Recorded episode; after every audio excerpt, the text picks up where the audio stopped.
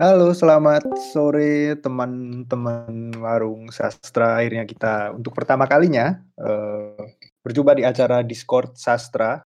Untuk acara sore ini kita bakal kedatangan satu pembicara namanya Mas Asef Saiful Anwar. Udah masuk belum ya Mas Asef ya?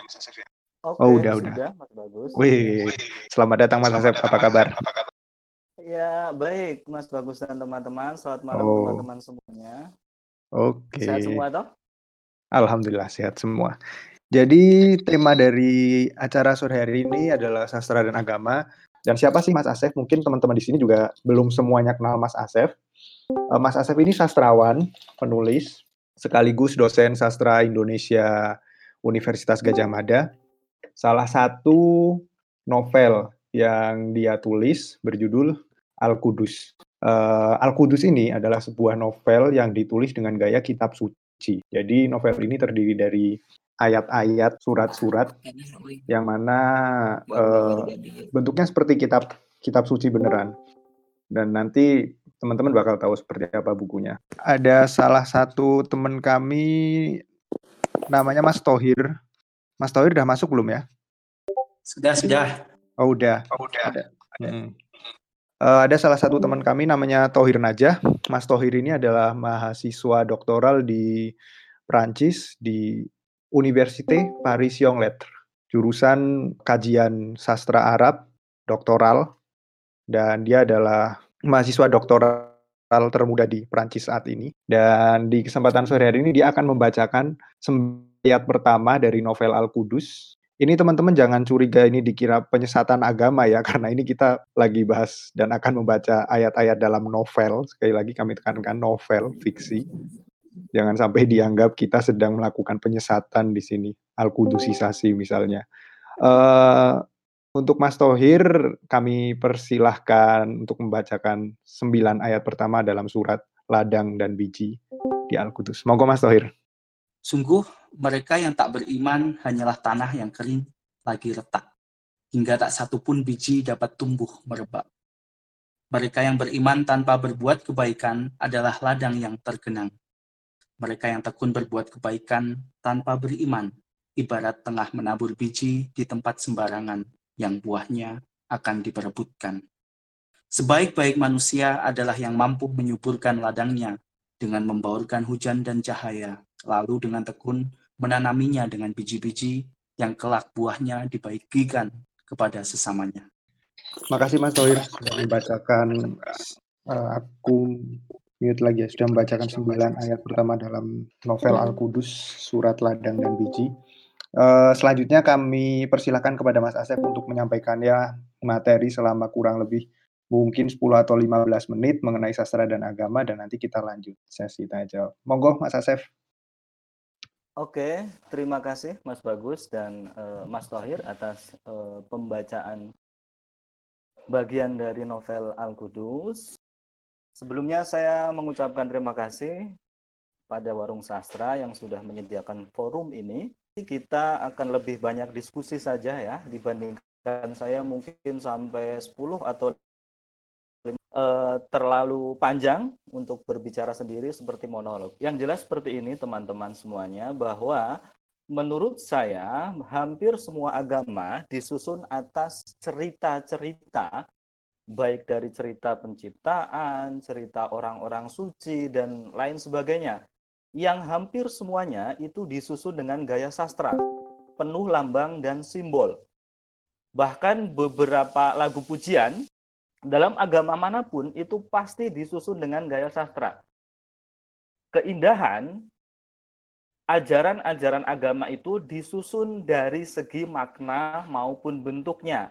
Nah, untuk makna tentu nanti mengacu kepada ajaran-ajaran agama yang sedang disampaikan, sementara bentuknya hampir semuanya itu mengacu pada bentuk-bentuk sastra eh, bahasa tertentu. Mungkin kalau uh, dari Ibrani ya mungkin ada sastra dengan bahasa Ibrani, sastra dari bahasa Arab, sastra dari uh, bahasa Sanskrit, bahasa Pali dan lain sebagainya.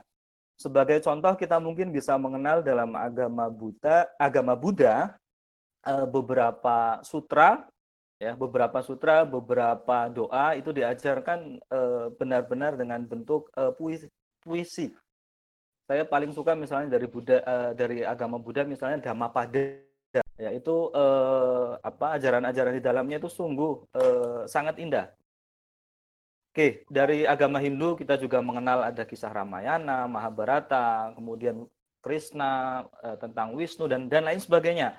Ah, begitupun dalam agama Kristen, dalam eh, agama Katolik juga sama, cerita-cerita tentang kemudian cerita-cerita tentang kenabian dan lain sebagainya. Bahkan beberapa eh, bagian dari Alkitab itu disusun dengan eh, gaya sastrawi yang eh, dalam bahasa Indonesia misalnya sejumlah terjemahan uh, Alki sejumlah bagian dalam terjemahan Alkitab itu juga sangat puitis. Waktu itu yang mampu membuat uh, Rendra menyusun beberapa puisi ketika dia masih Nah, begitupun dengan uh, agama Islam yang saya yakini dan yang saya peluk dalam literatur agama Islam banyak sekali kisah uh, yang digunakan untuk menyampaikan hikmah dibandingkan sekedar nasihat-nasihat yang mungkin hanya mengambil satu dua ayat dari Al-Quran kemudian disangkutkan dengan hadis. Ada cerita tentang turunnya ayat suci dan lain sebagainya. Intinya cerita di sana digunakan sebagai media untuk menyampaikan ajaran. Mungkin teman-teman juga akan lebih tertarik untuk menerima ajaran itu dari runtutan cerita dibandingkan misalnya dibandingkan hanya sekedar e, larangan atau sekedar bagi saya ada tiga jenis hubungan antara agama dengan sastra. Pertama ada eh, orang-orang e, atau ada sekelompok orang tertentu yang memang anti terhadap sastra dan menganggap sastra hanyalah uh, khayalan semata, cenderung memabukkan manusia dengan angan-angan, menjauhkan manusia dari ibadah dan lain sebagainya. Yang bagi golongan ini menganggap bahwa sastra ini sangat bertentangan dengan agama yang justru membuat kehidupan manusia menjadi jernih misalnya.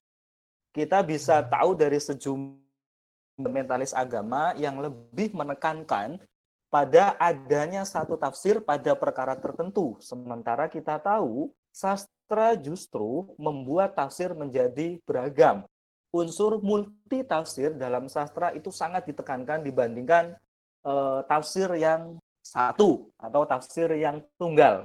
Mungkin golongan yang pertama ini menganggap ah sastra jauhkan manusia dari agama, sebaiknya ditinggalkan, tidak perlu dipelajari, kemudian tidak perlu dinikmati karena mungkin mengganggu waktu ibadah, mengurangi waktu Eh, mengingat Tuhan dan lain sebagainya ini ya untuk golongan yang bagi saya cenderung F. Kemudian yang kedua ada golongan yang memanfaatkan sastra sebagai jalan pelengkap dalam menjalani agama. Saya masih ingat juga pendapat Profesor T. Uh, sastra merupakan salah satu jalan uh, untuk mencapai Tuhan, maksudnya untuk mengenal Tuhan. Uh, TU mengenal jalan untuk mengenal Tuhan. Yang pertama itu kemudian sains di sini dalam arti yang eksakta ya, mati dan lain sebagainya. Kemudian filsafat, lalu agama dan yang keempat uh, ini sastra ya. Golongan yang kedua ini menjadikan uh, sastra sebagai ekspresi cintanya kepada Tuhan, ekspresi kerinduannya kepada sosok-sosok orang suci, mungkin nabi, mungkin rasul dan lain sebagainya, atau bahkan ekspresi cinta para sastrawan ini kepada agama itu sendiri. Nah, tapi di sisi yang lain, dalam golongan kedua ini ada juga yang menjadikan sastra sebagai medium berdakwah. Mungkin untuk sastra Indonesia kita bisa uh, tahu beberapa contoh ya yang mungkin uh, apa menjadikan sastra sebagai medium dakwah. Misalnya dari teman-teman uh, apa yang Helvitiana Rosa teman-teman uh, mohon maaf saya uh, FLP Forum Lingkar Pena misalnya. Memang sejumlah uh, karya yang diciptakan oleh Lingkar Pena itu ada uh, dakwah ya untuk kepentingan dakwah. Tapi di sisi yang lain juga ada beberapa sastrawan seperti uh, apa Gusmus, ini mohon maaf, mungkin saya lebih ke apa ya uh, Gusmus, kemudian ada juga Ahmad Tohari, lalu ada juga MH Ainun Najib, Buya Hamka dan lain sebagainya, ya menjadikan uh, karya mereka sebagai ekspresi cinta kepada Tuhan, tentu dengan uh, sejumlah uh, sikap kritis. Nah, Oke, okay, adapun yang ketiga dari ketiga apa golongan tadi yang menautkan antara agama dengan sastra yaitu golongan yang justru anti terhadap agama untuk masuk ke dalam sastra. Sehingga eh, karya-karya mereka justru menjauhkan agama atau ajaran-ajaran agama dari karya sastra politik bahkan mungkin uh, ada dalam beberapa mungkin juga ada yang sampai dalam tahap mencaci misalnya karena hmm. bagi golongan yang ketiga ini, agama justru menjadi penghalang dalam kebebasan imajinasi. Nah, sementara sastra kan bebas gayanya dan lain sebagainya bisa uh, menuliskan sesuatu yang mungkin dilarang oleh agama dan dan lain sebagainya. Tentu uh, dari uh, pembagian ini tentu terlalu kasar hmm. dan ini subjektif ya bagi saya. Uh, untuk saya sendiri lebih memilih pada uh, masuk pada golongan kedua yaitu yang memanfaatkan sastra ini sebagai jalan pelengkap bagi saya pribadi dalam menjalani kehidupan agama saya. Tentu hmm. tanpa berusaha untuk menyalahkan yang pertama maupun menyalahkan yang ketiga. Ya, dua golongan itu ya tidak tidak masalah gitu ya. E, meyakini apa yang e, menjalani apa menjalankan apa yang mereka yakini terhadap sastra salah. Mungkin uh, sebagai permulaan seperti itu dulu, Mas Bagus. Wih, keren. Materinya thank you banget, Mas Asef. Tapi aku ada beberapa pertanyaan. Uh, salah satunya tentang tiga golongan sastrawan tadi dalam memandang agama. Tadi Mas Asef menyebutkan bahwa ada golongan ketiga yang ingin menjauhkan agama dari karya sastra karena agama sering kali menjauhkan Eh, kita dari imajinasi, sedangkan karya sastra sangat dekat, sangat identik dengan hal-hal yang imajinatif seperti itu. Nah, kalau di Indonesia sendiri ada nggak sih mas uh, tipe penulis ketiga ini? Ya tentu okay. untuk uh, golongan yang uh, ketiga ini kan ada, tapi kan apakah hmm uh, butuh misalnya sikap yang eksplisit seperti itu. Misalnya ada seorang sastrawan misalnya itu hmm. menganggap misalnya agama adalah ini ini ini. Apakah dia berani misalnya tampil di publik? Hmm. Sementara kita tahu sendiri kondisi apa kehidupan beragama di Indonesia tentu untuk beberapa hal ya, mohon maaf tidak tidak menggeneralisasi. Tapi ada uh, ada ketakutan dari sejumlah orang ketika misalnya meng, uh, ekspresikan bahwa oh ini uh, agama seperti ini, agama seperti ini. Bahkan uh, kalaupun itu hanya menyebut agama, tidak agama khusus tertentu A, agama A, B atau C atau apa gitu loh. Mm-hmm. Saya kira uh, tetap ada teman-teman tentu tidak perlu saya mengatakan siapa orangnya yeah, yeah. dan lain sebagainya. Kalian bisa mungkin menyimpulkan dari uh, apa bisa dari karya, bisa dari pernyataan dia dalam wawancara, dalam sejumlah acara dan lain sebagainya. Tetapi yang perlu diingat juga adalah untuk e, melegitimasi apakah ini masuk golongan A, B, C atau apa, eh, teman-teman saya kira perlu e, pernyataan langsung begitu karena bisa jadi gitu ya, bisa hmm. jadi ya mungkin teman-teman membaca karya saya yang, yang Al Kudus itu kan, mungkin hmm. beberapa menganggap ah ini uh, ada sedikit unsur penistaan dan lain sebagainya sehingga ini pasti masa saya masuk golongan uh, ketiga dan lain sebagainya. Ini yang oh, iya, yang uh, yang wajib dihindari gitu loh ya. Kesa, hmm. apa tafsir tunggal seperti itu. Karena dalam hal sastra mm-hmm. dalam hal penulisan sastra kan memang harus uh, ketika saya menulis misalnya itu tidak akan menjadi diri saya sepenuhnya. Hmm. apalagi kalau misalnya saya menulis tentang tokoh yang jahat misalnya Oke, okay. saya menulis tentang tokoh yang jahat, tokoh yang misalnya uh, saya hampir tidak tega. Misalnya saya akan membunuh Mas Bagus gitu. Waduh. Teman saya sendiri, ya misalnya. ya, ya, ya. Uh, otomatis misalnya. saya kan harus menjadi orang yang kejam di sana gitu loh. Iya. Uh, di uh, dalam karya itu, otomatis uh, saya kan harus menjadi orang yang kejam. Saya harus menuliskan tentang kebencian saya dengan bagus dan lain sebagainya. Uh, yang sebenarnya di, di alam nyata tidak gitu loh. Okay. Makanya saya heran uh, saya heran ketika misalnya ini mungkin sekali lagi mungkin ada teman-teman yang tidak bersetuju tidak masalah misalnya saya heran ketika uh, ada yang komplain terhadap satu bagian dalam karya sastra ini misalnya ya ada bagian dalam uh, novel dan bagian itu menceritakan tentang uh, proses uh, pemerkosaan misalnya. Mm-hmm. Nah, kemudian dianggap wah ini kan ada kekerasan terhadap perempuan dan lain sebagainya, misalnya. Mm. Lah, sementara kalau misalnya kan biasanya kalau merkosa pasti tidak dengan rayuan atau apa gitu loh. Iya. Sehingga unsur-unsur seperti itu kan harus masuk dan ingat itu hanya untuk bagian itu untuk memperkuat uh, unsur kesastraannya gitu loh ya. Bukan hmm. bukan bukan sejatinya seperti itu. Saya kenal beberapa uh, penulis yeah. kenal beberapa penulis yang sungguh jauh dari tulisannya. Ya, hmm. ada beberapa hal mungkin uh, off the record lah itu tidak perlu. Tapi hmm. uh, saya membayangkan misalnya saya pernah ya membayangkan ada satu penulis cowok gitu ya. Cowok hmm. tidak perlu saya sebut namanya, karya-karyanya itu mesum Mas Bagus. Karya-karyanya oh, iya. mesum mesum, lucu. Tapi yeah. begitu saya main ke rumahnya, itu sholat duhur azan, diajak jamaah. diajak jamaah. Diajak jamaah, dia sangat sayang istrinya, dia sangat sayang anaknya, jauh dari kesan yang saya dapatkan dari status oh, iya. Facebook, dari karya-karyanya. Jadi ya mungkin teman-teman kalau untuk apa ya, kenali secara pribadi lah gitu ya. Kalau untuk hmm. misalnya menilai orang, tapi kalau untuk karya sastra, biar nggak melebar Mas Bagus, monggo. Silakan yeah. selanjutnya. Oke. Dalam karya sastra Indonesia, Mas, unsur agama itu lebih sering muncul dalam konteks religiusitas saja, seperti tadi misalnya golongan kedua, hmm. atau dalam konteks isu sosial, misalnya kritik sosial. Katakanlah di agama di agama di Indonesia ini kan ada praktik-praktik agama yang mungkin uh, bisa dikritik juga gitu, Bu. Prakteknya okay. ya, bukan agamanya ya. Itu iya. gimana? Hmm.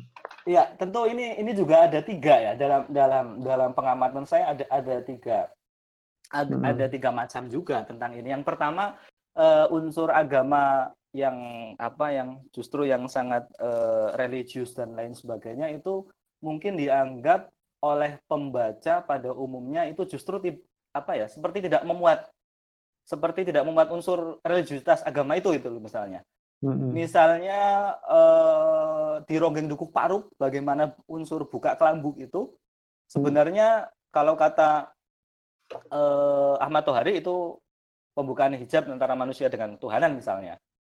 Iya. Kemudian yeah. uh, beberapa halo halo halo ya tadi halo? habis Ronggeng Dukuh Paruk terus hilang. Oh ya. Mm-hmm. Ya misalnya uh, ya dari Ronggeng Dukuh Paruk lalu Danarto almarhum Oh iya, almarhum Danarto. Ya, itu sangat-sangat uh, religius. Untuk uh, mungkin juga ada contoh lain uh, hmm. MH Ainun Najib tentu yang karya-karya yeah. dulu gitu ya. Hmm. Uh, Lautan Jilbab dan lain sebagainya, religius.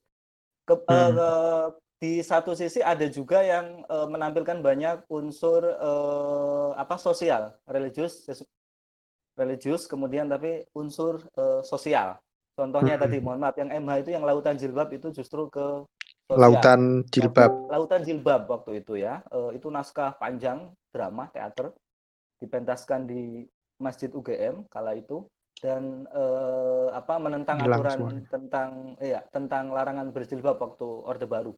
Orde Baru hmm. misalnya. Hmm. Lalu kritik-kritik sosial sekarang tentu banyak muncul dari uh, Gusmus ya dari oh, yeah. uh, Ahmad Mustafa Bisri Terus meskipun hmm. beberapa cerpennya, kalau untuk puisi beliau banyak sekali eh, apa kritik sosialnya dengan mengangkat eh, sejumlah tafsir atau ajaran agama. Sementara untuk cerpen eh, berkisar tentang dunia pesantren, ya, tentang hmm. sejumlah hal-hal yang kadang sifatnya gaib gitu, sulit dipercaya dan dan dan lain sebagainya. Tapi di sisi yang lain yang menarik itu yang eh, eh, yang jenis ketiga, hmm. dia mengangkat sejumlah ajaran agama. Ya ini contohnya uh-huh. seperti yang mungkin Mas Bagus tahu seperti eh, apa ayat-ayat cinta ketika cinta ber kemudian bertasbih. Iya, kemudian uh-huh. karyanya siapa anak Amin Rais ya? Uh, Hanum Salsabila Rais itu yang di iya, Eropa iya. kemudian yang di Amerika. 99 ya, saya di langit Eropa. Iya, itu hmm. meng, uh, mengeksplorasi uh, kecintaan terhadap agama, tetapi di sisi yang lain yang ditangkap masyarakat justru pada kisah cintanya. Ini yang menarik. Jadi iya, yeah, masyarakat yeah, justru uh, uh, sama juga dengan Hamka toh. Buya yeah. Hamka itu sebenarnya dari di bawah lindungan Ka'bah, kemudian uh, tenggelamnya kapal Van der Wijk, ya sebenarnya syarat akan muatan religiusitas, tapi yang diterima oleh masyarakat nah, justru romantisismenya, oh, iya, percintaannya ya. ya. Ah, iya. percintaannya mungkin yang apa kayak di, di film aja kan mungkin yang raja-raja seperti Hayati dan lain sebagainya itu ya. Iya. mungkin kayak orang lebih peduli sama Fahrinya ya dibanding apa yang yeah. dia mau sama Hayati uh, cinta yeah. misalnya. Orang lebih sering debat uh, Fahri ini cowok yang ideal apa enggak sih sebetulnya gitu misalnya. Iya, padahal di di sana kalau lebih uh, jeli misalnya uh, apa beberapa masalah sosial yang dihadapi uh, umat Islam misalnya stereotip dari orang barat dan lain sebagainya kan sengaja dimunculkan uh, oleh siapa Kang Abik itu toh Habibur yeah. Rahman Al Sirazi. Tetapi hmm. di sisi yang lain, di sisi yang lain juga ya beberapa uh, apa yang tadi golongan ketiga ini, jenis hmm. yang ketiga ini, di sisi yang lain ketika dia mencoba untuk uh, mengangkat bahwa misalnya uh, Islam itu dipandang jelek dan lain sebagainya, Uh, celakanya mereka juga me menggunakan stereotip yang sama gitu loh Gus. Paham ya? Oh, oh, oh paham paham. Uh, jadi uh, stereotip bahwa uh, bahwa yang Barat itu pasti cenderung menganggap Islam jelek gitu loh. Hmm. ya ya itu kan se sebenarnya sama aja toh akhirnya. Sama aja membalas itu loh. Oh aku Kita, juga. misalnya aku uh, uh, oh, kamu ya, menghina aku kemudian aku menghinamu gitu loh. Uh, uh, betul uh, aku juga jadi ya. penasaran ya. sih sama mungkin nanti teman-teman ada yang bisa komentar ya misalnya di ayat-ayat cinta yang film yang kedua uh, bagaimana sih sikap hmm. orang-orang barat di situ terhadap Fahri? Apakah sem apakah semuanya digambarkan misalnya sebagai orang yang benci kayak kayak tokoh siapa tuh yang adalah pokoknya Steve yang tokoh bule itulah kan ada yang digambarkan membenci Fahri atau ada juga yang misalnya tokoh-tokoh bule tapi dikatakan simpatik terhadap si Fahri seperti itu. itu kan berarti yeah. menunjukkan ada dekonstruksi gitu kan Mas. Enggak semua digambarkan hitam putih gitu. Misalnya.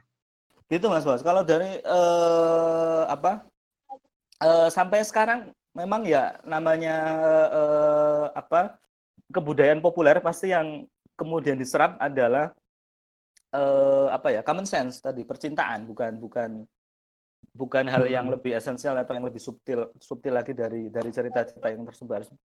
Oh, oke. Okay. Gitu, Oke, dua pertanyaan lagi ya Mas Chef sebelum kita buka yep. ke sesi sesi bebas. Yang pertama tentang novel Al-Qudus ini. Mas Asef dalam salah satu tulisannya di Kibulin menulis bahwa mengapa sih Mas Asef menulis novel berbentuk kitab suci? Di situ Mas Asef ngomong Al-Qudus ditulis dengan asumsi dasar. Apakah manusia beriman kepada Tuhan setelah ia membaca kitab yang dianggap suci atau mereka mempercayai kitab itu suci setelah beriman kepada Tuhan. Mungkin bisa dijelaskan itu, Mas. Ya, uh, ini sebenarnya refleksi pengalaman pribadi juga kan ya, refleksi hmm. pengalaman pribadi. Uh, apakah sebenarnya saya misalnya meyakini bahwa sekali lagi ini pribadi, uh, Al-Quran itu adalah kitab suci yang mengandung kebenaran langsung hmm. berasal dari Allah dan suara hilang. Uh, percaya, mm -mm, percaya itu dulu atau ketika saya sudah khatam, sudah membaca uh, Al-Quran, kemudian mengerti tafsirnya, baru saya meyakini, oh iya ya, bahwa ini memang benar, ini tidak uh, dibuat-buat, ini memang perkataan Tuhan dan lain sebagainya. Itu uh, refleksi pribadi. Ya, hmm. temuannya seperti apa tentu itu untuk saya sendiri Mas Bagus. Hmm. Tetapi untuk masalah uh, proses kreatif, saya akhirnya kan menemukan celah. Saya hmm. akhirnya menemukan celah karena ketika saya kuliah, ya saya juga tidak sekedar membaca misalnya Al-Quran, tapi saya meminjam kebetulan teman kontrakan saya seorang uh, Kristen. Mm-hmm. Saya baca Alkitab dan lain sebagainya, uh, Alkitab gitu ya, dan dan bagi saya tidak tidak terpengaruh gitu loh, ya oh, tidak iya. terpengaruh maksudnya, oh ini yang lebih benar di Alkitabnya di Al-Quran tidak, tidak pula uh. misalnya oh, langsung menjelas ini loh harusnya di Al-Quran tuh gini bukan dan lain sebagainya tidak. Saya membaca hmm. itu Kemudian dalam perjalanan saya juga suka membaca hal lainnya seperti tadi ada sutra uh, beberapa sutra dari agama uh, Buddha, ada iya. ada beberapa saya koleksi gitu. Bahkan saya baca misalnya blog milik Lia Eden, komunitasnya oh, iya. itu lalu ya beberapa lah intinya yang di, yang mereka hmm. menganggap bahwa ini agama ya saya pelajari tentu sekali lagi sebagai uh, seorang peneliti untuk tadi untuk masalah uh, asumsi tadi apakah hmm. kebanyakan dari kita itu meyakini bahwa sebuah kitab suci karena keyakinan agama kita terlebih dahulu atau baru mengatakan ini suci setelah kita tahu dalamnya, mempelajari dan lain sebagainya. Tentu uh, beberapa orang berbeda pengalaman dengan saya, berbeda mm -hmm. dengan saya. Tetapi saya mencoba begini juga dengan dengan kita saling membaca apa ajaran orang lain langsung kepada sumbernya gitu ya. Misal saya membaca uh, saya membaca Alkitab, kemudian saya membaca Dhammapada, saya membaca sejumlah sutra yang lain kadang nama-nama sutranya saya sulit ya karena dalam bahasa Sanskerta misalnya eh, hmm. saya cenderung nanti akan bisa lebih memahami para penganut itu para penganut agama Buddha para penganut agama Kristen yang memang sebenarnya ya saudara gitu loh sesama manusia ini ah. berbeda hmm. apabila sumbernya itu tidak langsung dari situ gitu Hmm. Ya, saya jadi ketika saya punya asumsi itu, oke okay deh. Asumsi itu, okay saya deh. akan menyusun saya akan menyusun. Halo. Eh, halo bentar bentar ini ya, ada ya. Bentar, ini ada ada yang perlu aku Oke Mas, lanjut. Oke, berarti intinya Al-Qudus ini terinspirasi dari banyak kitab suci ya, nggak cuma Al-Quran sebagai agamanya iya, Mas Asef, iya, karena iya. Mas Asef Muslim, tapi juga ada dari iya. uh, apa misalnya dari Nasrani, dari Buddha dan lain sebagainya. Ya, dengan asumsi itu uh, saya mengharapkan ketika teman-teman uh, membaca novel saya itu seperti uh, mereka seperti sedang membaca kitab agama lain dari agama mereka misalnya. Oke. Okay. Itu Mas. Oke, okay, per pertanyaan terakhir Mas, belum nanti teman-teman boleh mulai siapin pertanyaan dari sekarang. Bagaimana nih misalnya suatu hari yep. uh, Al-Qudus dijadikan pedoman agama baru seperti misalnya tiba-tiba ada sekte Asef Saiful Anwar atau atau seperti kerajaan agung sejagat di Purworejo gitu atau kalau di Afrika ada Matsuanisme gitu. Kemudian, wah ini aku menemukan religiusitas di sini. Kita jadikan Asef sebagai nabi gitu. atau mungkin nggak sih seperti itu? Dan Mas Asef gimana misalnya itu terjadi? Wah, kalau uh, itu terjadi tentu di luar saya dan tentu saya tidak apa namanya tidak hmm. akan me mengesahkan itu gitu loh ya, tidak akan oh, iya. mengesahkan iya. sekte itu. Tetapi ketika teman-teman misalnya menemukan bahwa e, beberapa kalimat, beberapa bagian silahkan gitu loh. Tapi kalau sampai misal ciptakan Tuhan yang baru, kemudian menjadikan saya seperti apa orang suci atau nabi ya, ya tidak. Karena saya ketika menyusun e, dengan kesadaran bahwa ya ini adalah karya sastra, ini adalah novel, bahkan ada niat yang cukup iseng bahwa itu kok nggak ada ya kitab sucinya gitu loh. Gimana kalau saya menciptakan kitab sucinya? Seperti itu Mas Bagus. Oh, okay. Tidak lah, tidak tentu tidak akan saya uh, restui lah. Tapi kalau mengambil uh, hikmah dari cerita itu bagian-bagian dari novel itu ya silahkan. Berat. Tapi sampai sekarang ada nggak yang udah karya Mas Ases karya sesat gitu misalnya atau membakar Al Kudus gitu uh, ya ini ini juga saya juga aneh ya karena uh, sebenarnya kan yang saya sasarkan ya semua lah, semua apa namanya, semua uh, pembaca lah, tidak memandang agama apa pun. Tapi uh, yang paling banyak baca uh, adalah teman-teman Muslim dan kebanyakan adalah santu beberapa sari dari uh, dari mana sumber-sumber cerita itu saya tuliskan. Beberapa juga uh, sangat senang dengan dengan uh, apa ajaran di agama mereka yang oh kok muncul di sini? Bahkan ada filsafat yang muncul di di sini. Justru bukan pembacanya Mas Bagus yang yang menganggap ini sesat tetapi keluarga atau saudara kan buku itu misalnya di ruang tamu rumah. Uh, saya masih ingat banget ceritanya itu ada, oh, iya. saya lupa namanya. Nanti mungkin bisa dicek di intinya uh, ini ceritanya bapaknya itu menemukan Al-Qudus di atas uh, Al-Qur'an. Nah, ini apa? Itu ag dari agama Kristen karena uh, selama ini di Indonesia kalau ada kudus itu lebih agama Kristen atau Katolik gitu. Padahal okay. itu dari bahasa uh, Arab. Uh, hmm. Orang tuanya kemudian uh, hmm. anaknya dimarahin. Anaknya ini malah marah-marah ke kakaknya karena kakaknya yang menaruh uh, apa? Uh, novel itu di atas Ternyata alasannya di atas Al-Qur'an itu untuk bukan memuliakan novel itu untuk melindungi Al-Qur'an dari cak itu loh. Oh. Nah, kayak gitu sebenarnya ya. Tapi Jadi bukan untuk memuliakan. salah paham dibacanya ah, ah, malah Al-Qudus ah, dianggap uh, lebih mulia dari Al-Quran. Iya yeah. sih di, di Indonesia kan setahu juga nggak boleh kan. Buku uh, apa pun ditaruh di atas Al-Quran atau benda iya, apa pun. Benda apa pun. Ya intinya intinya itu sih kalau teman-teman yang apa penyuka sastra dan lain sebagainya akan mengerti bahwa ini adalah karya fiksi sehingga uh, tidak akan ada tafsir-tafsir bahwa ini menyesatkan atau apa karena sudah uh, sejak awal membaca ini adalah fiksi. Ini Mas Asef dari Mbak Audrey. Yep. Uh, ada golongan-golongan tertentu yang menganggap bahwa tafsirnya terhadap kitab misalnya adalah paling benar. Sedangkan uh, kitab suci agama saya misalnya itu kan multi tafsir. Bagaimana Mas Asef menanggapi fenomena semacam ini, Mas? Iya, sebenarnya ini uh, ada memang kan uh, yang sangat uh, terbuka terhadap tafsir bahkan ya tadi sebenarnya kan bergantung golongannya ya bukan bukan agama itu yang nanti membatasi itu tafsir dan makanya hmm. saya tadi saya sebut uh, bagi mereka gitu loh bukan bukan agama itu tapi bagi mereka agama itu hanya punya satu tafsir hmm.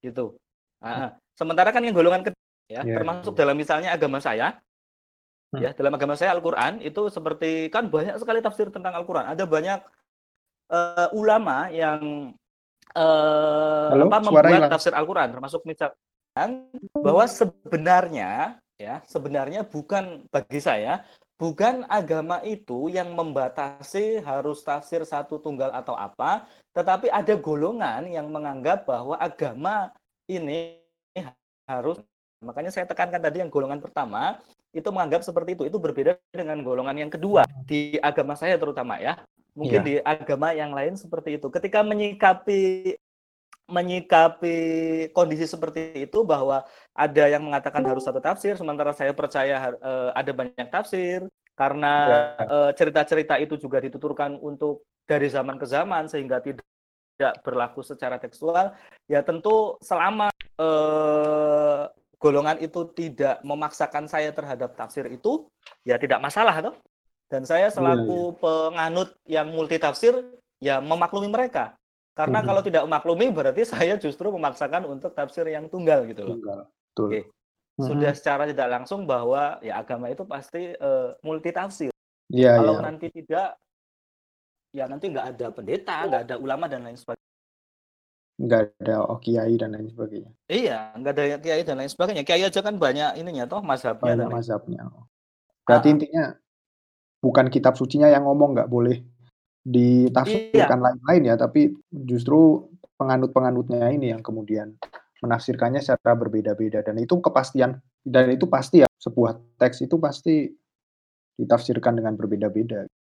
Iya, pasti karena karena sudah e, berbentuk tulisan maka mau tidak mau dia e, multi tafsir bagi saya. Hmm. Oke, lanjut ya ke pertanyaan selanjutnya ya. Uh, ini nanti kalau ada yang bisa jawab sikap, sikat aja nggak apa Mas? Uh, ini ada salah satu pertanyaan dari peserta Mas. Jika kitab suci itu seperti karya sastra yang membawa kita pada kebenaran tertentu, apa pendapat Mas Asef tentang Imam Mahdi atau juru adil? Apakah sebetulnya Imam Mahdi dalam agama apa pun itu sebetulnya satu? Uh, kalau kemungkinan uh, gini, kalau misalnya saya uh, menafsirkan bahwa kemungkinannya itu satu malah jadi nggak multi tafsir. Iya iya. Oke. Dan yang jelas sekali lagi yang jelas uh, saya tadi mengatakan bahwa uh, penyampaiannya itu dari uh, sastranya itu lebih ke arah hmm. kalaupun uh, ajaran hmm. kalau bisa teman-teman mungkin pelajari itu beberapa kan uh, memiliki kemiripan toh beberapa hmm. itu memiliki kemiripan apakah itu uh, dianggap sebagai satu kesatuan uh, tentu saya tidak tahu dan butuh butuh proses uh, identifikasi yeah. serta verifikasi yang cukup mendalam tapi sampai sekarang uh, menurut saya ya sudah uh, apa yang teman-teman yakini sebagai sebuah kebenaran ya yakini kemudian tidak perlu memaksakan untuk orang lain merasa ini benar okay. apa bahwa ini yang benar kalian salah dan lain sebagainya Oke. Aku mau tanya aku. Oke. Asep mau tanya ini ya soal memang sering kali kita menjumpai karya-karya sastra yang oh, mendobrak. Oh, maaf bentar. Halo, halo, iya, halo. Koyo Mama ya. Dede dong. Mas Asef tanya dong. ya, ya. Mas, Mas Asef tanya dong, tanya. Iya. Uh, kita sering kali ya menjumpai karya-karya sastra yang mendobrak tabu gitu. Uh -uh. Yang sering kali dengan budaya uh, yang dijunjung dari suatu masyarakat tertentu. Nah, yep. uh, pendapat Chef ya, ketika ada suatu karya sastra, kalau saya itu uh, baca karyanya Nawal Sadawi yang dulu memang dia uh, dilarang di Mesir karya-karyanya kayak gitu. Hmm. Nah itu bagaimana Mas? Uh, menurut Mas uh, Mas Asef soal hmm. pelarangan-pelarangan karya sastra yang dia sering kali membawa isu tertentu, namun sangat bertabrakan dengan norma-norma dari suatu masyarakat. Oke, bagi saya larangan apa eh, larangan untuk eh, karya sastra bagi saya itu sesuatu yang apa ya konyol lah ya hmm. sesuatu yang konyol mungkin di sana ada nawal di sini ada eh, pramudia yeah. apa misalnya menelanjangi sejarah atau me menerjang norma dan dan lain sebagainya hmm. eh, yang jelas begitu ada satu karya yang memang nanti apa tadi namanya mendobrak ketabuhan dan lain sebagainya. Kalau saya sebagai peneliti, sebagai pembaca sastra, ya saya akan e, membaca e, secara e, dari sisi kesusastraan karya ini bagaimana gitu loh. Kalau memang bagus, tidak sekedar hanya mendobrak, tapi kok secara apa estetika buruk atau apa ya nanti pasar yang akan memutuskan ini nggak laku dan dan lain sebagainya dan eh, larangan terhadap karya sastra itu justru ya selain promosi terhadap karya sastra itu di sisi yang lain yang saya itu tadi eh, proses apa ya pembodohan gitu loh pembodohan pelan-pelan dari eh, pihak yang melarang dan seharusnya tidak perlu gitu loh hmm. larang bagaimanapun karya sastra itu pasti akan akan sampai ke ke masyarakat yang dituju silakan aja sebut karya apa yang pernah dilarang ya kita mengenalnya karena karena sampai sekarang bertahan. Sadawi, kemudian apa misalnya ayat-ayat setannya Rusdi, Salman Rusdi, kemudian Pram yang dulu mungkin di Berangus dan lain sebagainya kan sampai juga ke kita gitu loh ya. Dan yeah. ternyata nggak nggak apa-apa gitu loh. Ya, uh, saya lebih cenderung curiga bahwa pelarangan itu sifatnya lebih ke arah positif, eh positif, ke arah politis dibandingkan misalnya memang alasan mulia untuk menjaga norma, kemudian e, menjaga akhlak dan lain sebagainya. Saya kira e, itu alasan-alasan yang Iya, iya. Kebanyakan lebih ke politis ya, kepentingan. Iya, kebanyakan politis. Iya. Nah, Bahkan sebetulnya nggak cuma Uh, Nawal itu kan karena sangat uh, feminis sekali toh, sementara waktu itu kan uh, Mesir ya kita kita tahu lah sangat patriarkat gitu. Hmm. Hmm. sangat luar biasa. Lanjut ya. Monggo silakan. Ya, Mas tentang agama. Ini ada pertanyaan keren nih Mas dari Mas Hilman. Mas Asef, apakah membaca karya sastra dapat membantu kita dalam memahami Al-Qur'an? Misalnya dalam memahami ayat-ayat yang sulit gitu. Keren pertanyaannya, Mas. Ya, Ya, saya kira tidak hanya untuk uh, Al-Qur'an ya, tidak hanya untuk Al-Qur'an, kitab-kitab suci lain, hmm. kitab-kitab suci yang lain yang butuh uh, tafsir yang jernih dari uh, pembacanya, saya kira sastra ini bisa bisa menjadi salah satu medium ya untuk hmm. kita lebih memahami uh, kitab suci itu. Misalnya di apa di Al-Qur'an, misalnya kenapa uh, surat tidak ada kata ikhlasnya gitu toh? Surat ikhlasnya ikhlas kenapa? itu tidak hmm. Allah itu. Kenapa hmm. tidak ada kata ikhlasnya misalnya? Oh iya ya ikhlas toh? iya iya. oh, betul ya. Ya itu kan karena ikhlas. Misalnya uh, kemudian ada juga uh, apa teori-teori teori-teori tertentu terutama yang hermeneutik. Bahkan hermeneutik ini kan dulu di di Eropa digunakan memang untuk uh, menafsirkan uh, atau hmm. menuliskan uh, naskah-naskah uh, agama hmm. atau itu hermeneutik metode hermeneutik kemudian uh, ya ada ada banyak uh, teori ya ada banyak teori tentang uh, penafsiran. Tentu nanti kalau untuk mendekati uh, apa ajaran agama tertentu dan lain sebagainya ya teman-teman juga butuh uh, ilmu agama lain gitu loh. Kalau untuk misalnya hmm. menafsirkan hadis ya tidak mungkin hanya perangkat teori sastra tapi ilmu hadisnya juga perlu dipelajari. Uh, Seperti itu Mas Bagus. Tapi akan Oke. Okay.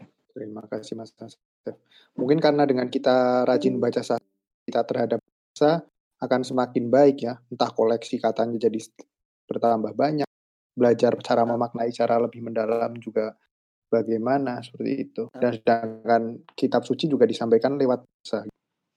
Hmm, oke. Okay. Pertanyaan lagi Mas dari peserta. Uh, menurut Mas Asef, apa pendapat Mas Asef pada pembaca yang menganggap bahwa Al-Qudus adalah sumber kesesatan? Monggo Mas. Ya kalau memang eh, ada apa? Ada yang menganggap sumber kesesatan ya silahkan sekali lagi itu tidak tidak menjadi domain saya untuk melarangnya. Hmm. Misalnya eh, yang bisa misalnya ada pembaca yang menganggap wah ini karyanya Mas Asep ternyata sesat. Misalnya hanya berhenti pada kata sesat kemudian tidak membaca mungkin membakarnya atau menguburnya atau intinya merusaknya cukup seperti itu silahkan gitu ya. Tapi ketika misalnya ada pembaca yang lain gitu ya, ada pembaca yang lain misalnya temannya, temannya si pembaca sesat ini mendapati temannya membaca karya saya, nah, otomatis disusikan dulu gitu loh. Jangan misalnya melarang atau apa. Kalau misalnya bisa tunjukkan kesesatan itu di mana kemudian tuliskan toh kan sekarang sudah banyak media ada oh, iya. Facebook ada apa ya mungkin di Discord atau apa, ya silakan tunjukkan kesesatan apa, kemudian uh, dasar yang menyatakan bahwa ini sesat apa, silakan gitu. Nanti kan bisa uh, uh, apa ya? Hmm. Jangan-jangan hmm. setelah uh, si pembaca ini mengatakannya, oh saya malah akhirnya menyadari oh ternyata ini sesat misalnya. Hmm. Jadi uh, tapi sepanjang uh, saya berniat menulisnya dan dan dan apa dan mempublikasikannya tidak ada uh, satupun niat misalnya untuk mengaku sebagai nabi kemudian untuk melecehkan ini dan dan lain sebagainya tidak bahkan itu sudah saya tahu ada beberapa rambu yang misalnya kalau dilarang akan seperti ini itu saya patuhi gitu ya akan okay. saya patuhi ini ya ini juga mungkin berkaitan dengan yang tadi ya mungkin yang tiga jenis uh, golongan ke, yang menghubungkan antara agama dengan sastra. Mungkin perlu juga ah kok malah uh, uh, gini, misalnya seperti yang paling kesohor sekarang misalnya kan Gus Musto, Ahmad Mustafa yeah. kan, ya kita tahu kan uh, karya-karya seperti apa, dan dia tahu juga hal-hal yang misalnya tidak dibolehkan dalam agama untuk dituliskan, tetapi Gusmus hmm. tidak langsung menggunakannya lukisan itu haram, dia pelukis juga, kemudian sastra itu haram dan lain sebagainya, tetapi dia mematuhi hmm. beberapa Eh, larangan-larangan uh, yang ada dalam agama dan dijadikan sebagai tantangan, bukan sebagai halangan untuk kreatif. Hmm. Kalau misalnya, ya kalau misalnya ini misal aja uh, ada larangan agama untuk menggambar usia secara utuh misalnya. Hmm. Nah, maka karyanya nanti kan mungkinnya akan diblur entah kepalanya atau kakinya yang jelas akan tidak utuh, tapi akan menjadi abstrak, malah hmm. jadi bagus itu loh. Iya. Nah, mungkin dalam tahap itu juga perlu di ya, se ketika saya menulis saya tahu sejumlah larangan yang eh, harus tidak saya langgar. Oke, okay. okay, gitu. Kalau ada yang mengatakan saat nggak apa-apa. Kita hmm. berdiskusi, kita berdialog. Uh, dari Mas Tohir di Paris. Dalam beberapa karya sastra penulis Arab klasik, banyak karya sastra yang membahas hal-hal yang dianggap tabu bahkan dilarang oleh agama seperti misalnya homoseksualitas. Di sisi lain, penulis ini bahkan menulis juga kitab yang juga membahas hal-hal tabu, tetapi saat itu tidak di tidak disensor. Bagaimana sih menurut Mas Asef mengenai mengenai hal ini? Uh, pe, gini Mas, uh, kalau untuk sastra, kalau untuk hmm. sastra saya kira uh, se seliberal apa pun itu uh, potensi untuk dipublikasikannya itu cukup besar mengingat ini yang perlu dicatat mengingat mohon maaf ya tanpa uh, menyindir golongan tertentu mengingat beberapa orang yang misalnya menganggap ini tabu, menganggap ini sesat dan lain sebagainya cenderung tidak betah membaca. Oh, iya. Iya, iya, iya. Jadi iya cenderung cenderung tidak tidak tidak betah membaca. Bahkan film-film yang dianggap sesat atau apa pun itu kan kadang nggak ditonton sebagainya. Uh-uh. Bahkan tadi saya nonton satu film Cek. lama, saya tidak film lama uh, judulnya saya tapi tidak perlu saya apa? Halo. Bahkan tadi saya nonton uh, film Indonesia. Uh-huh. Ya, pasti teman-teman juga tahu itu ada kan yang mengangkat tema homoseksual, loh. Selain Halo. selain Garin apa sih, Mas? Ya, arisan itu, oh, arisan, arisan. itu. Uh, uh. Dan nggak ada gak ada apa namanya? tidak ada kontroversi loh. Hmm, hmm, tidak ada hmm. kontroversi dan lain sebagainya. Yang tadi saya katakan bahwa biasanya uh, karena motif uh, politis tadi, karena motif politis. Suatu saat saya akan mencalonkan gubernur atau presiden ya itu Al Qudus pasti akan dihitung kita ini sesat dan lain sebagainya. iya, tapi selama saya menjadi rakyat biasa, saya tidak memiliki uh, pengaruh untuk mempengin atau apa ya mungkin dianggap uh, angin lah. Hmm. Untuk tipe yang tadi ada satu sastrawan misalnya menulis tentang apa uh, homoseksual sekali lagi kalau itu kalau saya mas bisa membedakan ya apa tadi uh, karya kreatif karya sastra ya silahkan di sisi yang lain dia menulis kitab ya ya silahkan gitu itu hmm. potensi uh, manusia harus dikembangkan dan menjadi bahan bahan diskusi meskipun misal, misalnya uh, si penulis ini tadi menulis homoseksual, saya kira tidak akan cenderung pembelaan pada homoseksualnya atau perlakuan itu, tapi lebih ke humanismenya mungkin saya kira. Uh, jadi sebetulnya soal sensor karya sastra ini uh, tidak selalu berhubungan dengan isinya, katakanlah yang vulgar seperti itu, tapi lebih ke bagaimana situasi politik suatu negara uh gitu. Uh, terus. Uh, izin bertanya Mas Asef sebagai penulis novel. Apakah Mas Asef menyarankan kita untuk membaca sastra tingkat tinggi atau tingkat menengah? Aku saja nih bingung juga nih, apa sih sastra tingkat tinggi, sastra tingkat menengah itu? Monggo Mas Asef aja yang jawab. uh, uh, sebenarnya teman-teman tidak perlu apa namanya ini ya me, secara general ada sastra tingkat apa rendah, tingkat menengah, tingkat tinggi atau apa. Tetapi ya untuk e, memulai apa pun yang teman-teman sukai baca aja dulu gitu. Hmm. Tidak perlu misalnya e, langsung tadi misalnya baca Danarto, nanti bingung kemudian akhirnya menyerah untuk membaca. Saya kira uh, ada banyak uh, ragam karya sastra yang pasti akan ada yang cocok dengan teman-teman. Hmm. Karena kan nanti uh, selera nanti berbeda toh. Oke. Okay. Terus dari Farid, oh Mas, bagaimana bila setelah membaca suatu karya atau pandangan baru hmm. dengan dasar atau pengetahuan si pembaca yang tidak Oh, maksudnya pembaca belum punya dasar pembacaan yang kuat gitu, terus diberi karya hmm. sastra yang memberikan pandangannya. Di cerita buku Adam dan Hawanya karya Muhyiddin M. Uh-huh. Muhyiddin mengatakan bahwa Hawa bukan perempuan pertama sebenarnya. Uh-uh. Uh-uh. Terus di novelnya yang lain Kabar Buruk dari Langit Muhyiddin bercerita uh-huh. ada anak kiai yang ngeganja bareng Jibril. Wah, aku jadi tertarik nih. Itu juga. Yeah. Hmm, yeah, yeah. Walaupun itu. misal ceritanya sebagai satir, tapi beberapa lainnya mentah-mentah uh, karena selain alasan politis mungkin ketidaktahuan kita yang suka bikin persekusi persekusi itu. Mm-hmm. Bagaimana Mas Asef menanggapi fenomena Kalau, ini? Uh, menurut saya uh, setiap pembaca itu punya potensi untuk uh, mengembangkan punya uh, mematangkan pikiran dan gitu ya.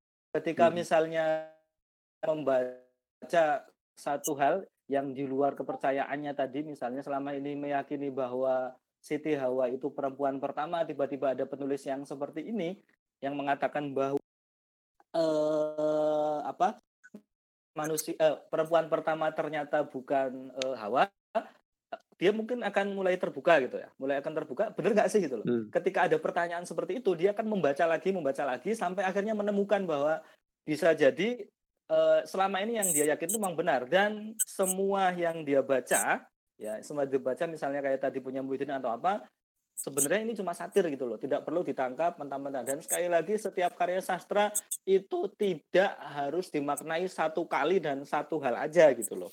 Hmm. Saya kira semua uh, pembaca punya potensi untuk mengembangkan tadi kematangan berpikir, kedewasaan bersikap dan lain sebagainya. Kalau pembaca itu misalnya berhenti pada kepercayaan itu kemudian tiba-tiba mentah, kemudian malah menyebarkan ini dan lain uh, berarti dia nggak mengembangkan potensinya untuk uh, mematangkan pikiran dan mendewasakan uh, sikapnya. Hmm. Gitu Mas Bagus. Dan itu ya apa tadi pilihan gitu.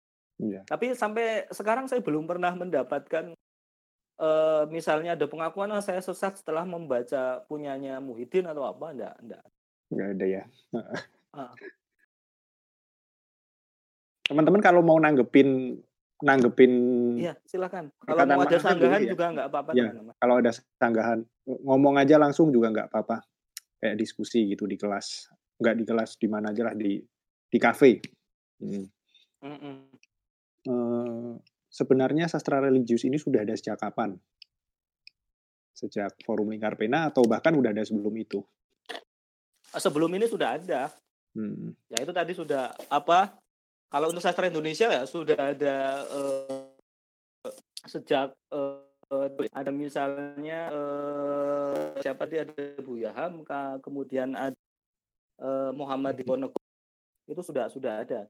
Oke. Okay. Itu sudah ada Eh, ketika mereka berkarya tidak misalnya mengatakan bahwa ah, ini karya saya religi atau apa tapi mengekspresikan aja hmm. apa yang uh, mereka anut mereka percayai. Termasuk juga Kunto Wijoyo uh, nih Mas ada yang tanya nih. Wah sastra apalagi Kunto Wijoyo profetik. ya ya itu sastra profetik mungkin teman-teman. Nah, terima kasih sudah mengingatkan. Hampir hampir lupa menyebut uh, beliau. Ya hmm. Kunto Wijoyo itu dosen sejarawan ya sastrawan dan ustadz juga hmm. gitu loh. Hmm. Dan uh, yang lebih menarik bahwa Kun, uh, Pak Kunto ini kan Muhammadiyah, sementara karya-karyanya itu penuh klinik gitu loh. Untuk klinik tapi untuk uh, klinik yang sifatnya ke apa religius loh.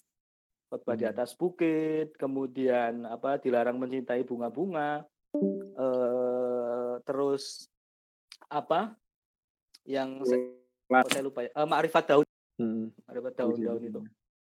Ya itu uh, sastra profetik.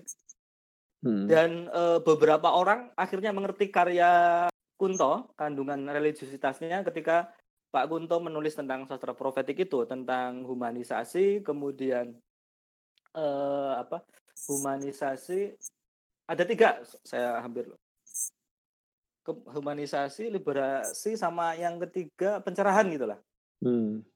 Mm-mm. Jadi agama tidak sekedar ritual bagi bagi nah. bagi Kunto. Ada tiga libera, liberalisasi, maksudnya liberalisasi itu kebebasan berpikir itu, humanisasi, human, liberalisasi. Kemudian yang ketiga unsur transendensi, transendental itu. Seingat saya itu ya. Transenden. Mungkin kalau ada yang mau mengoreksi atau apa bisa. Sastra profetik Kunto Wijoyo. Uh, langsung diketik. Iya, iya. Udah ada itu di di SI-SI-nya. Iya, boleh nanti dicari di internet atau beli bukunya. Mm -mm. Makanya kalau misalnya apa ada masalah perdebatan itu lagi sudah ditulis Pak Kunto. Yeah. Kok kenapa tiba-tiba jadi perdebatan lagi? Ya ada pertanyaan nih, ada ada terus oh. sampai setengah lima, eh setengah lima di sini setengah lima. sorry sorry. Setengah lima subuh. Uh, enam ya 15 menit lagi buat sesi tanjapnya habis itu sesi bebas-bebas saja. Oke. Gitu ya. Ini Mas ke, Mas saya udah baca karyanya Muhyiddin M Dahlan belum yang Tuhan izinkan aku menjadi pelacur. Itu tanggapan ya, Mas itu. gimana? Udah baca Mas? Sudah, Pertanyaan dari Mbak Intan.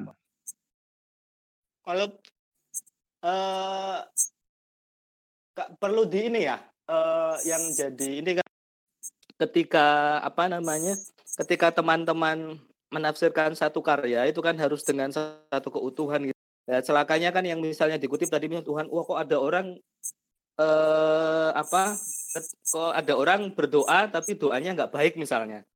Hmm, izinkan kan aku mungkin toh Tuhan akan ya di, ya itu kan uh, tokoh itu ya tokoh hmm. yang ada di sana itu kan me melalui banyak peristiwa hmm. yang akhirnya memutuskan untuk uh, apa bersikap demikian gitu loh. Ini yang jadi iya. persoalan adalah ketika karya-karya sastra itu yang dipetik itu cuma kutipan-kutipan tanpa tahu konteksnya mengapa si tokoh bersikap demikian gitu loh Gus. Iya. Yeah. Saya kira yang uh, Muhyiddin itu karena kritik sosialnya sangat tinggi. Kritik sosialnya sangat tinggi terhadap uh, kehidupan sosial beragama terutama di di Indonesia yang karena Muhyiddin juga gara-gara karya itu sempat disidang juga. Kalau nggak salah dibantu waktu itu. Hmm. Kalau menurut saya nggak masalah. Jadi ini aja pemahaman terhadap uh, apa istilahnya eh tadi ke unsur konteks ceritanya gitu loh. Hmm. Oke. Okay. Jadi secara secara singkat ya novelnya Muhyiddin M Dahlan yang Tuhan izinkan aku menjadi pelacur ini menceritakan perempuan yang sebelumnya religius banget bahkan dia gabung dengan organisasi mahasiswa uh, yeah. keislaman di sini konteksnya. Kemudian uh -huh. karena suatu hal di dalamnya ternyata ada anggotanya di dalam situ yeah. yang justru misalnya mesum seperti itu, dia kecewa iya. dengan lingkungan di situ dan iya. memutuskan menjadi pelacur sekalian seperti uh -uh. Dan ini mulai Jadi kan ada pemantik gitu toh? Mm-hmm. Ada pemantik yang membuat uh, apa si tokoh itu bersikap yang bagi masyarakat ini nggak normal gitu loh. Iya. Kok aneh dan lain sebagainya. Saya kira harus dipahami secara keseluruhan. Ini uh, mungkin agak melebar sedikit ya. Iya, Ketika ya, apa generasi sekarang cenderung meng apa mengket memotong-motong ini kuat dan lain sebagainya Nya itu kan uh, khawatir salah tafsir. Iya, Termasuk iya. mungkin yang dilakukan oleh warung sastra untuk promo ya. Sorry. Iya, oh, oh. iya ya betul. Uh, tapi uh, sering pakai yang jelas quote, quote yang itu iya. menggetarkan. Kalau misalnya di apa kalau dipelajari secara utuh bisa bisa lebih baik dibandingkan hanya membaca itu. Hmm. Dan itu beberapa kali Mas mengundang kontroversi kayak uh, quote-nya Nawal El Sadawi misalnya dia mengatakan uh -huh aku lebih memilih menjadi pelacur yang bebas daripada istri yang diperbudak seperti itu. Uh -uh. Nah ya, ini juga padahal, selalu ada komentar-komentar yang agak serem-serem uh juga gitu. Nah ini kan padahal itu iya itu kan memang ditulis oleh Nawal toh. Mm -hmm. Tetapi yang mengatakan kan bukan Nawal tapi tokohnya gitu toh. Iya betul. ya itu loh. Ya, itu, itu juga jadi, masalah ya. Iya, yang Eka Kurniawan yang apa gitu loh, yang menolak pernikahan apa gitu pernah ada quote-nya itu.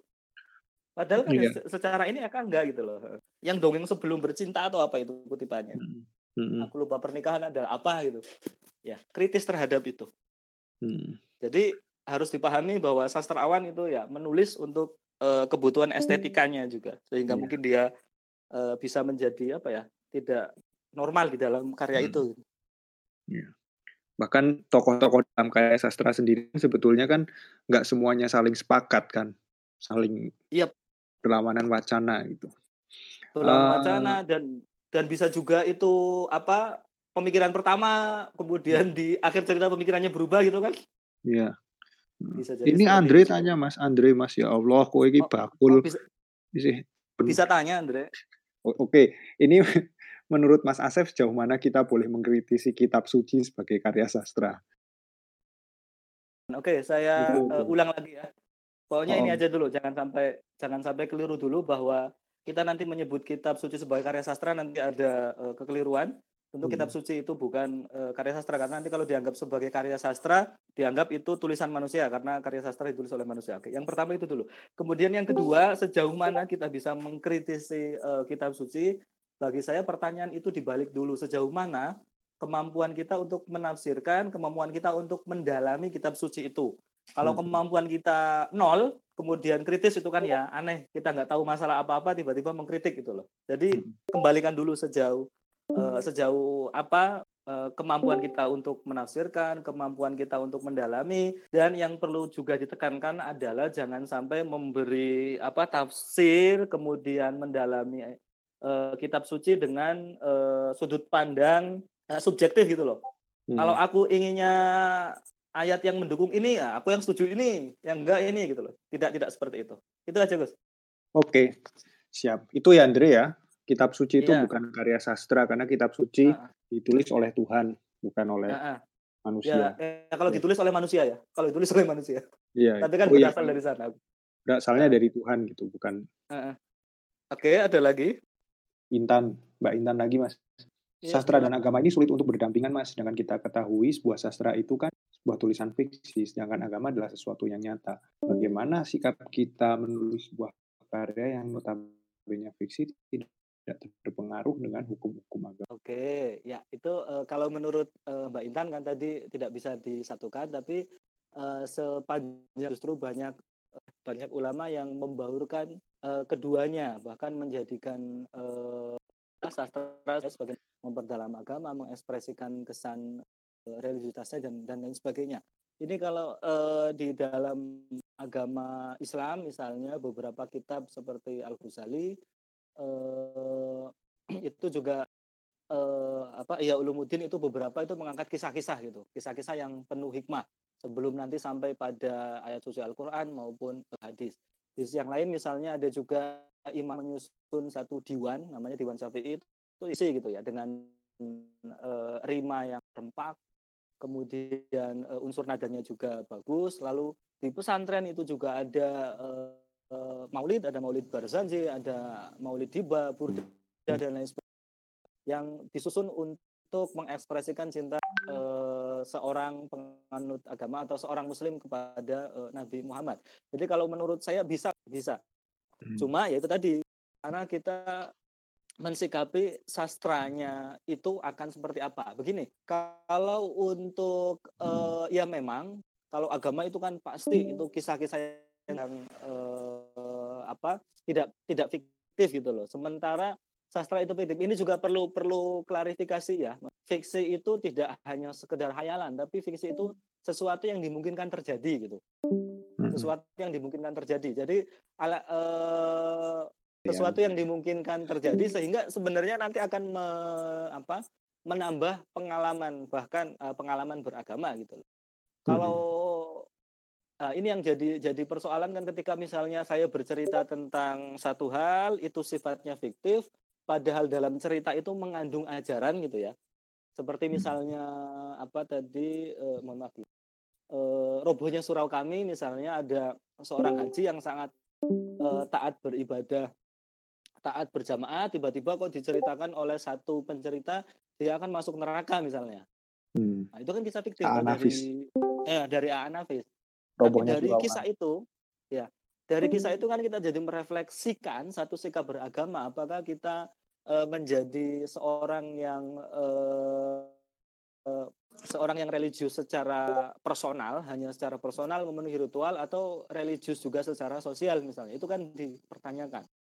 Jadi hmm. saya kira uh, ada potensi untuk ke sana yang mungkin perlu uh, diubah ya banyak baca dan nanti gunakan sudut pandangnya tadi. Sudut pandangnya mungkin diubah bahwa ini sebenarnya nggak bertentangan kok. Kalau hmm. yang bertentangan saya kira ya tadi yang mungkin masuk dalam golongan pertama. Kalau golongan kedua tidak.